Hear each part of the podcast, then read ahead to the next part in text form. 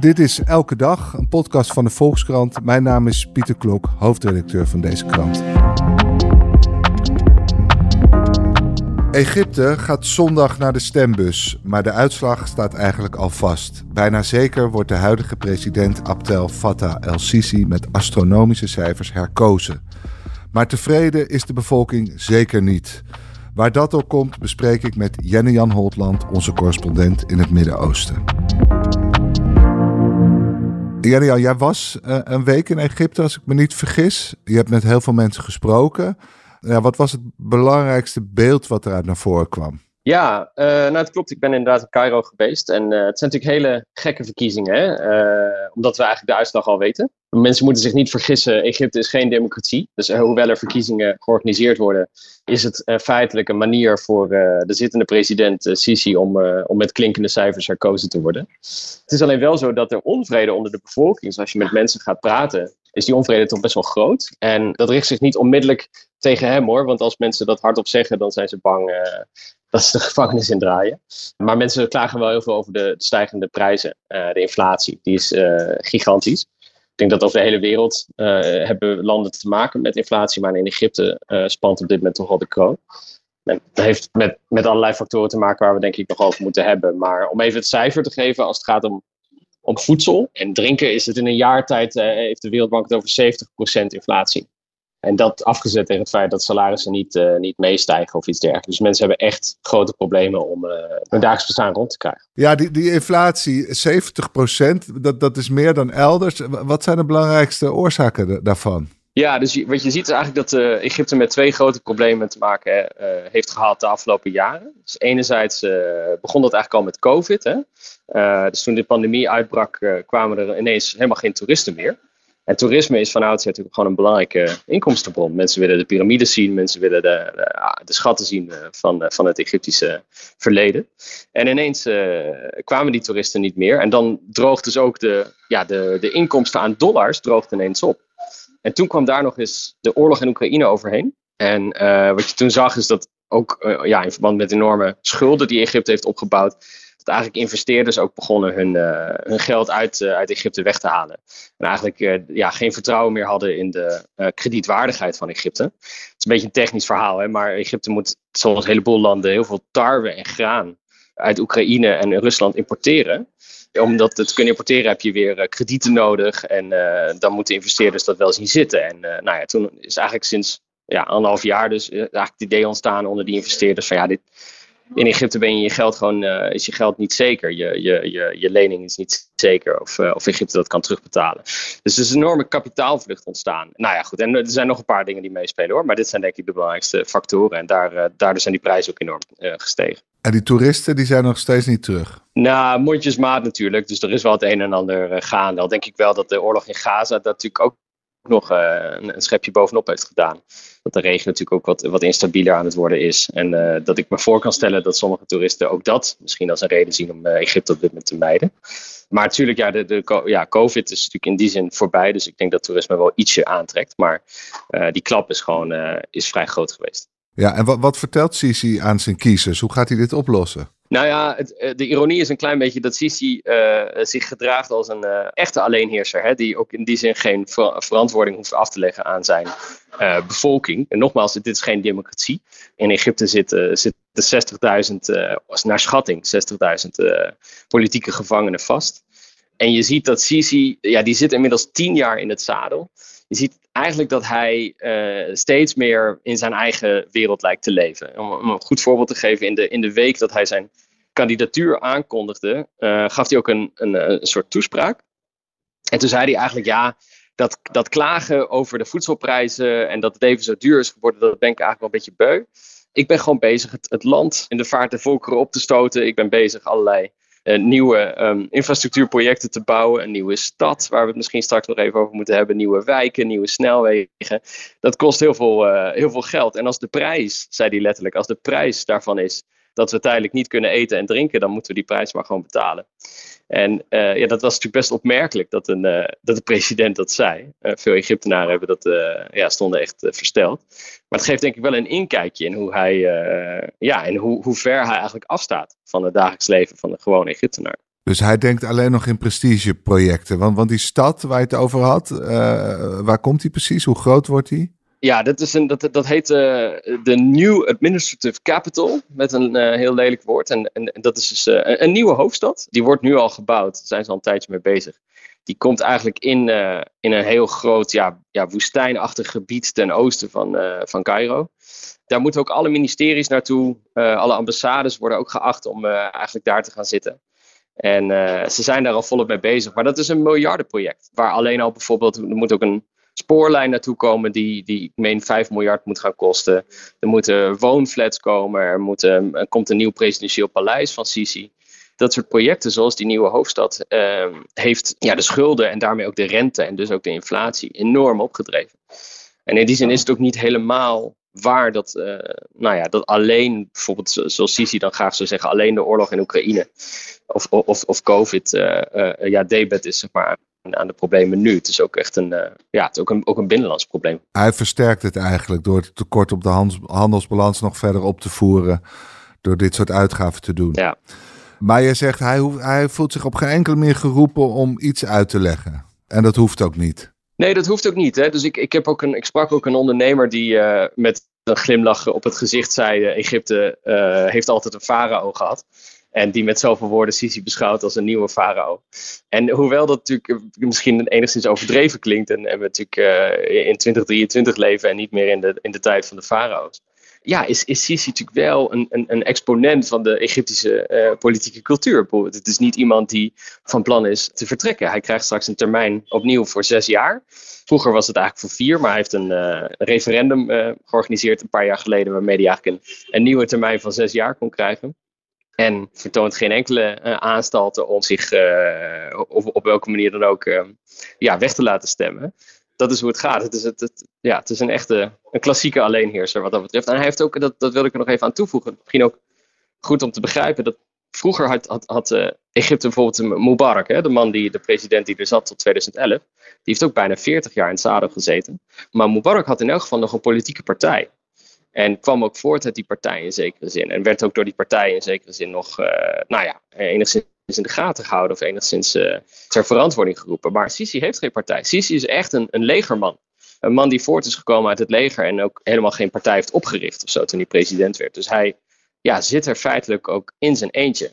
En trekt alleen maar meer macht naar zich toe. Het is toch een hele wonderlijke, eh, cynische uitkomst van de Arabische lente uiteindelijk. Hè? Want in 2011 werd Mubarak dan afgezet. Uh, er hing enorm veel hoop in Egypte. Er zou eindelijk uh, democratie uh, worden gesticht. Ehm, vervolgens werd het, wonnen de moslimbroeders de verkiezingen, geloof ik, hè? Zeker. Ja. Grijpt het leger in en heb je eigenlijk een alleenheerser die, die nog meer alleen heerst dan, dan Mubarak zelf. Ja, kijk, ik de, er zijn natuurlijk meerdere manieren om naar te kijken. Je kunt, kunt je afvragen of de, de hoop op, op, op democratie toen misschien ook een tikkeltje kort door de bocht was of een tikkeltje naïef. Egypte heeft geen democratische traditie. Het had natuurlijk geholpen als ze, als ze ooit een democratie waren geweest waar je op terug kon vallen. Dat, die, die, die, die is er niet. Als je nu met activisten praat, dat heb ik ook wel gedaan, die er destijds bij waren, die zeggen ook wel dat ze fouten hebben gemaakt, dat ze geen programma hadden bijvoorbeeld. Ze wisten niet precies uh, waar ze naartoe wilden, anders dan gewoon weg bij de, bij de huidige dictatuur. Maar het klopt, ja, het leger waar, waar Sisi, waar we het net over hadden en waar Sisi uit voortkomt, is, is, een, is een enorme machtsfactor in Egypte. En niet alleen uh, politiek, maar ook economisch. Ik beschrijf ook in mijn reportage uit de krant van vandaag dat het leger ook een enorme vinger in de pap heeft in de economie. Ze zijn ook gewoon enorme staatsbedrijven die in handen zijn van het leger. En dat maakt het voor Sisi ook heel moeilijk om uh, iets te veranderen aan die economische situatie. Om dus hervormingen door te voeren. Die natuurlijk wel nodig zijn om weer investeerders aan te trekken, et cetera. En dat, dat is heel lastig, want het leger, uh, ja, daar komt hij zelf uit voort. En als hij het leger uh, tegen de haren instrijkt, dan kan, nou ja, dan zeggen sommige mensen, kan hij misschien, komt zijn eigen positie misschien in gedrang, omdat het leger denkt, nou, wij wij lossen het zelf al op. Hij heeft geen partij, maar wel een leger waar hij rekening mee moet houden. Ja, maar je ziet wel dat hij de afgelopen jaren af en toe ook gewoon mensen vervangt. Hè? Dus dat, nou, het is heel moeilijk om daar precies een vinger achter te krijgen waarom dat dan zo is. En het is ook een tikkeltje speculatief. Maar wat ik van sommige mensen toch wel begrijp, is dat hij, uh, zoals wel meer legermensen, natuurlijk bang is dat het, dat het leger op een bepaald moment hem zat is. En wat hij dan doet, is dus dat de, ja, bepaalde generaals of, of hoge functionarissen vervangen. Het is eigenlijk een klassieke manier om, om te voorkomen dat, dat mensen in, jouw kring of achter je, mensen achter je feitelijk te veel macht naar zich toe trekken en, en een bedreiging voor je worden. Maar wat is er gebeurd met, die krachten uit, van de Arabische lente? Dat, dat waren toch enorme grote massa's die op de been kwamen toen. Ja, waar, waar, zijn die nu gebleven? Houden die zich gedijst? Zitten die massaal uh, achter de tralies? Nou ja, deel, deels. Hè, dus waar, waar, we het net over hadden, er zitten duizenden, tienduizenden mensen, moet ik zeggen, in de, in de gevangenis. Dus dat is absoluut een, factor. Sisi heeft ook echt de repressie vergroot, vergeleken met uh, vijf à tien jaar geleden toen hij net aan de macht kwam. Ik heb ook mensen gesproken die, die natuurlijk wel uh, nog, nog steeds uh, zich uiten, die nog steeds zich roeren, die nog steeds proberen demonstraties te organiseren. Maar dat is buitengewoon lastig. En als je iets organiseert, dan, dan wordt er eigenlijk meteen korte metten mee gemaakt. Er is wel, en dat heeft, we hadden het net een beetje over die onvrede over de prijzen. We hebben natuurlijk ook nog het, het, het thema van, van Gaza.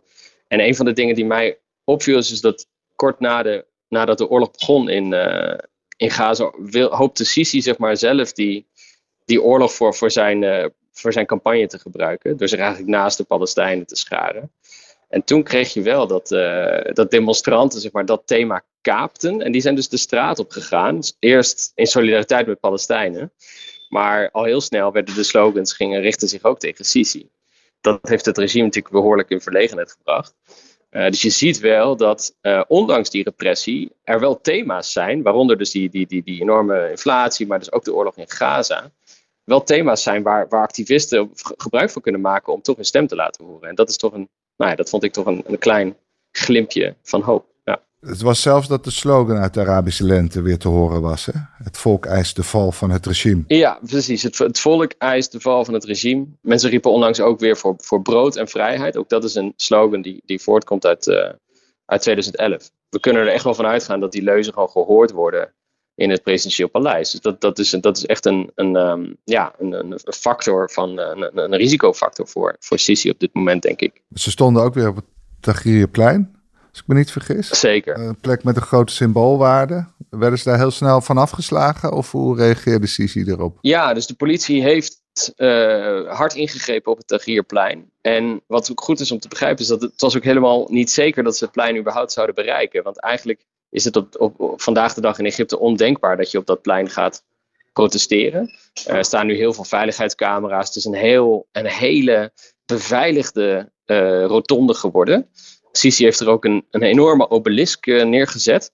Waarmee hij eigenlijk uh, ja, er, een soort plaatje van wil maken om, om, om, mooi, naar, om mooi naar te kijken. Zeg maar. En een soort plek waar je eventjes na, naartoe, naartoe gaat om, om even mooi te kijken. Maar het absoluut niet de bedoeling is dat je daar gaat demonstreren. Maar die demonstranten zijn dus vanaf, vanaf een van de moskeeën in Cairo zijn ze toch opgetrokken. Eind oktober was dit. Naar het Tahrirplein zijn toen door een cordon van de politie heen geduwd of hebben zich zeg maar, daardoorheen weten te, te werken. En uh, het stonden toen toch op dat plein. En dat is toch een heel euforisch moment. Hoe kort het ook duurde. Dus toen was toch eventjes, uh, waren mensen toch eventjes terug bij 2011 en bij de euforie van toen. Maar weten we hoe die repressie eruit ziet? Pakt hij dan daarna heel veel activisten op en worden die dan voor heel lang uh, opgesloten? Krijgen die ooit nog een rechtszaak? Hoe ziet die repressie eruit? Er zijn tientallen mensen opgepakt die bij dat protest aanwezig waren.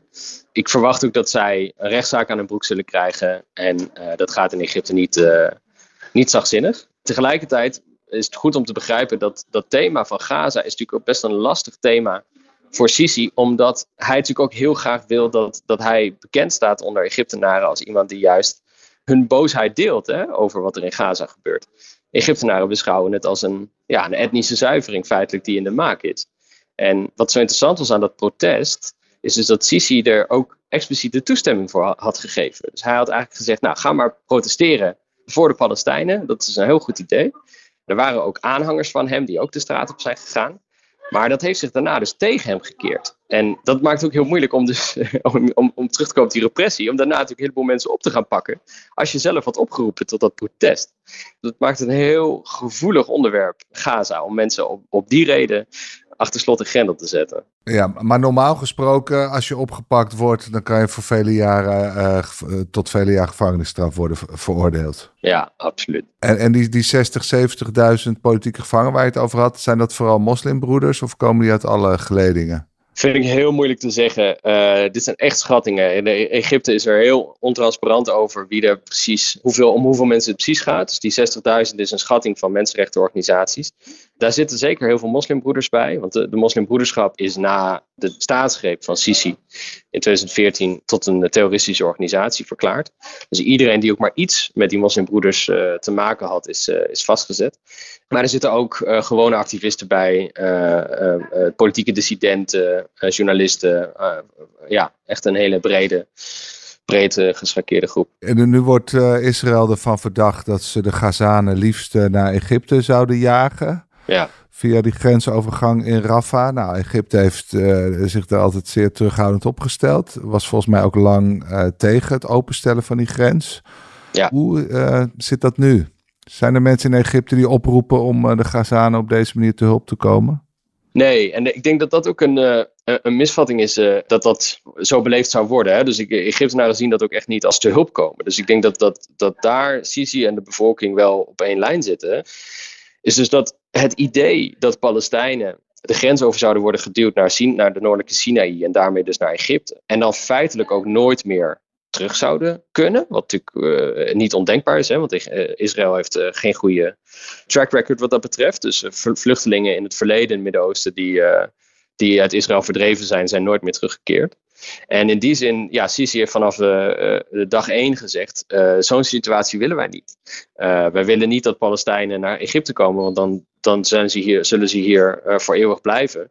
En dan zijn wij, en dat is denk ik cruciaal, dan zijn wij als Egyptische staat uh, medeplichtig aan, aan de Israëlische doelen. De, het Israëlische, de Israëlische wens om, om, om Gaza te zuiveren. Dus dat wil hij absoluut niet. Daar komt bij dat voor, voor Sisi, om, we, hadden het er al over, hè, het is echt een legerman. Dus hij ziet ook alles door een bril van, uh, door, door een veiligheidsbril. Dus hij beschouwt, denk ik, de mensen, de Palestijnen en, en zeker ook Hamas als een, als een absolute bedreiging ook voor de, voor de stabiliteit in Egypte. Uh, en dat komt weer omdat Hamas een, een afsplitsing is eh, van de moslimbroederschap. Dus daar zitten een heleboel gevoeligheden. Maar de gemene deler eigenlijk is dus dat, dat, uh, dat, ja, dat nog Sisi, nog de Egyptische bevolking eigenlijk mee wil werken aan die Israëlische plannen. Dus ik denk dat Sisi daar alles aan zal doen, ook de komende maanden nog, om, om te voorkomen dat die, dat die grens op welke manier dan ook open gaat. Ja, en, en hebben we eigenlijk enig idee of de Palestijnen zelf naar Egypte willen? Nee, en het, tenminste, dat, dat durf ik wel te zeggen. Ik denk dat de Palestijnen dat niet willen. Nee, in ieder geval niet op dit moment. Natuurlijk is de, de humanitaire nood is natuurlijk enorm, hè, maar ik denk dat, dat, dat geen enkele Palestijnse familie uiteindelijk uh, verdreven wil worden van, van huis en haard. Dus ja, nogmaals, de, de, eh, het idee dat als jij Gaza verlaat en, je belandt in Noord, Noord-Egypte, dan is dat vermoedelijk voor de rest van je leven. En dan zullen ze waarschijnlijk nooit meer terug kunnen keren. Dus dat besef is denk ik heel breed gedeeld hoor, ook onder Palestijnen. Ja, maar Sisi die zit er dus wel een beetje dubbel in. Hij wil graag uitstralen dat hij achter eh, de Palestijnen staat, maar tegelijkertijd ziet hij nu bij demonstraties... Uh, steunbetuigen voor de Palestijnen, dat die snel uh, ontaarden in, um, of uitmonden in, in demonstraties tegen hem. Ja. Dus hebben we enig idee wat hij ook met het oog op de verkiezingen nou ongeveer probeert uit te stralen? Of is dat heel dubbel? Ik denk, en dat zou ook nog best wel, zou hem ook nog best wel in de kaart kunnen spelen, maar uh, kijk, voor Egypte is een land waar stabiliteit enorm belangrijk wordt gevonden. Dus we hadden het er al over, de, eh, de uh, democratische traditie is er niet. Maar wat je wel hebt is een heel sterk idee van, nou, we moeten een, een anker zijn in de Arabische wereld, wij moeten stabiel blijven. En de oorlog nu in Gaza bedreigt die stabiliteit. En dat idee kan Sisi denk ik heel goed uitbuiten voor zijn. En dat probeert hij ook uit te buiten. En daarin wordt hij enigszins ironisch, denk ik, ook geholpen door de internationale gemeenschap. Want die zoeken natuurlijk ook de hele tijd zijn hulp. Als het, als het gaat over onderhandelingen bijvoorbeeld, bij die gevangenenruil, maar ook bij andere onderwerpen, als het gaat over de, de toelaten, toelaten van humanitaire hulp. Ja, dan wordt Sisi toch op het internationale toneel gezien als een belangrijke speler.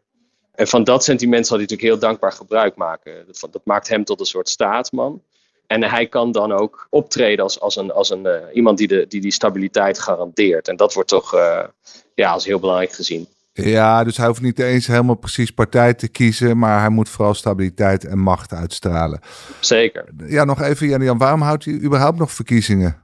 Nou ja, Sisi is natuurlijk niet, niet uh, geen, hoe moet je het zeggen, niet op zijn achterhoofd gevallen. Hij weet dat hij de, de steun van de internationale gemeenschap nodig heeft om te kunnen blijven regeren. En ook om bijvoorbeeld een hulppakket te kunnen krijgen van de Internationaal Monetair Fonds. Dus we hadden het over die financiële problemen. Uh, de enige weg eigenlijk naar, naar, uh, daaruit is, is met een, uh, steunpakket van, van miljarden. Ik meen 3 miljard en deze week heeft het IMF zelfs gezegd 5 miljard aan leningen en aan steun. Het IMF en ook de Europese Unie en de Amerikanen vinden het natuurlijk heel belangrijk dat het wel ja, iemand is die enige legitimiteit geniet onder de bevolking. En dan kun je zeggen, nou, hoe legitiem zijn die verkiezingen als we weten dat, uh, ja, dat de, de, de tegenkandidaten feitelijk door het regime zelf zijn gekozen. Uh, dat er weinig democratisch gehalte aankleedt. Maar ja, het is toch, het is toch iets. En ik denk dat, dat wat dat betreft toch ja, heel belangrijk is voor Sisi dat hij naar buiten toe kan verkondigen dat hij in elk geval een, een verkiezing heeft georganiseerd. En hij gaat dus gewoon winnen. Uh, wat kunnen we de komende jaren verwachten, uh, denk jij? Ja, een nieuwe hoofdstad dus, midden in de woestijn. Mits hij daar voldoende geld voor bij elkaar krijgt. Ongetwijfeld uh, verdergaande repressie. zijn er nog andere zaken? Ja, wat ik hoorde in, in Cairo zijn eigenlijk twee dingen. eentje is dat hij um, uh, op het uh, economische vlak onmiddellijk het pond gaat devalueren. Dus dat is eigenlijk een, een pijnpunt hè, ook voor gewone Egyptenaren. Dat pond is al een keer, de Egyptische pond is al een keer gedevalueerd, maar dat gaat Sisi nu opnieuw doen. Maar daar wacht hij natuurlijk wel eventjes af tot de verkiezingen zijn geweest. Want dat doet pijn bij de gewone burger.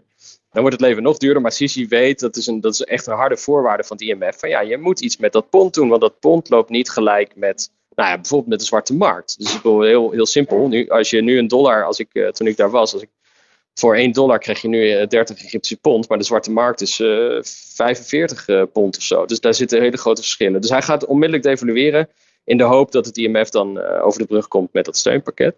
En, en, en, en ten tweede, en dat is nog een tikkeltje cynischer, is dat hij zeker zijn, zijn mandaat tussen aanhalingstekens zal gaan gebruiken om ja, om denk ik om nog, nog harder ook op te treden tegen de, tegen de uh, oppositiegeluiden. dus um, waar die de afgelopen weken en maanden bepaalde protesten dus niet de kop in durfde te duwen, in te drukken in, in, uh, in verband met die verkiezingen, zal hij dat uh, zal hij straks uh, ja, dat makkelijker kunnen doen. En dat geeft hem toch weer de wind, de wind in de rug, hoe, hoe cynisch dat ook, dat ook klinkt, denk ik. Ja, dus die staat wordt een nog dwingender aanwezigheid in de levens van mensen. Ja. Oké, okay. Nou, uh, dankjewel Jenne Jan. Blijf het voor ons volgen. Graag gedaan. En u luisteraar, dank voor het luisteren naar de Volkskrant Elke Dag. Deze aflevering werd gemaakt door Lotte Grimbergen, Julia van Alem en Rinky Bartels. Wilt u de Volkskrant steunen? Dat kan. Vooral door een abonnement te nemen. En dat kan u voordelig via volkskrant.nl slash podcastactie. Want deze podcast is gratis, maar onze journalistiek is dat niet. Morgen zijn we weer. Tot dan.